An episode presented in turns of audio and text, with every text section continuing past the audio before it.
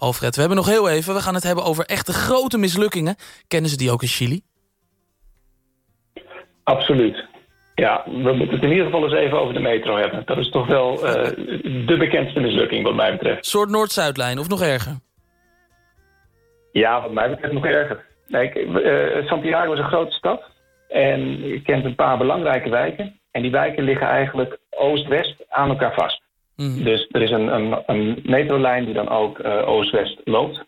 De, dat ding heet ook lijn 1. En nou, dat is ook gewoon de allerbelangrijkste lijn.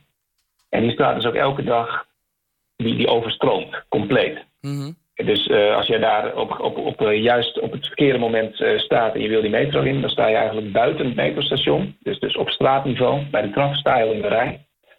En dan staat er een rij die de trappen afgaat, die perron opgaat. Het hele perron staat vol.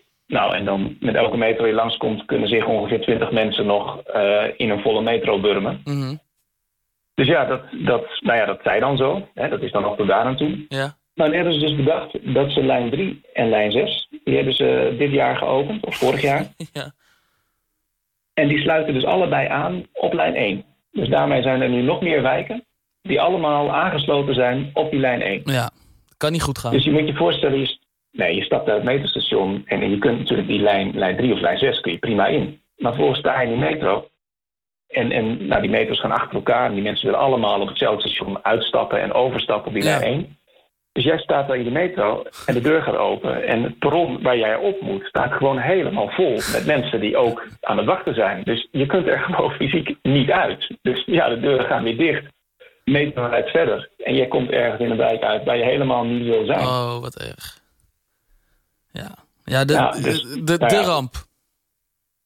Ja, ja het is, uh, ze hebben nu een parallellijn gepland. Mm dus, dus er moet een lijn parallel aan lijn 1 komen. Oh, er komt een oplossing. dan moeten die stations... Ja, er komt een oplossing. Keurig gepland. Maar als alles goed gaat, dan is hij in 2028 klaar. Oh, nog maar nou, tien jaar. Dat niet. ja. Als het mee zit. Ja. Als, het, als het allemaal goed komt. Wauw. Nog tien jaar met deze chaos. Ja, verschrikkelijk. Ga je dat volhouden? Ik uh, probeer zoveel mogelijk uh, uh, bij de metro weg te blijven op het moment dat het spitsuur is. Ja, ja jij zit op de fiets. Nou, aangezien ik thuis werk, ja, precies. Lekker fietsen. Ja, ja. We moeten het ook nog even kort hebben over de hoogste toren van Zuid-Amerika. Want daar wilde je het ook nog even over hebben.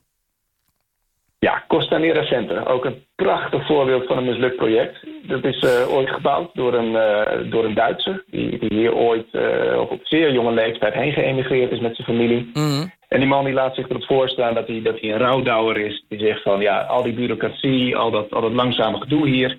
ik ben een Duitser, ik krijg dat voor elkaar, ik ga dat gewoon doen. Nou, nou die wilde de hoogste toren van Zuid-Amerika neerzetten... en die heeft hij dus ook neergezet. Nou, Daar wilde hij ook een hele mooie plek voor hebben... Dus een hotspot midden in Santiago, prachtige plek, midden op een verkeersplein. En dat ding dat staat er. 1 miljard geïnvesteerd en, en stug doorgebouwd en hij was af. Klinkt niet als een mislukking, uh, Alfred.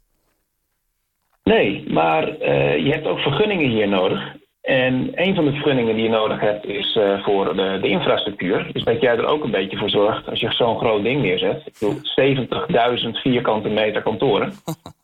ja, daar gaan dus ook allemaal mensen met de auto of, of met de metro waar we naartoe moeten. Ja.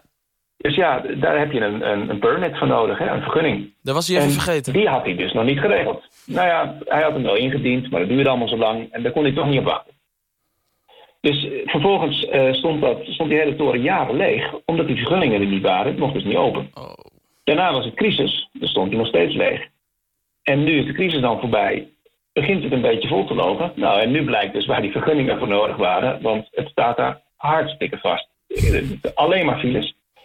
Ja, en mensen zeggen nu ook, waarom zou ik daar nog een huren? Daar, kun je niet eens komen, s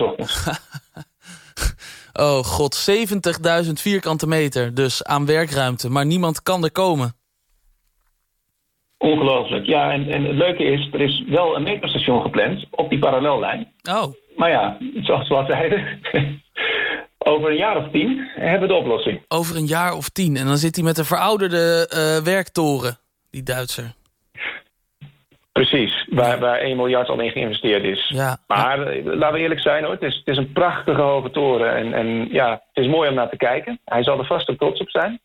Maar dat is voor 1 miljard wel een beetje een dure grap. Zijn de Chilenen er ook trots op? Op zo'n zo'n mooie toren die boven de stad uittorent, letterlijk?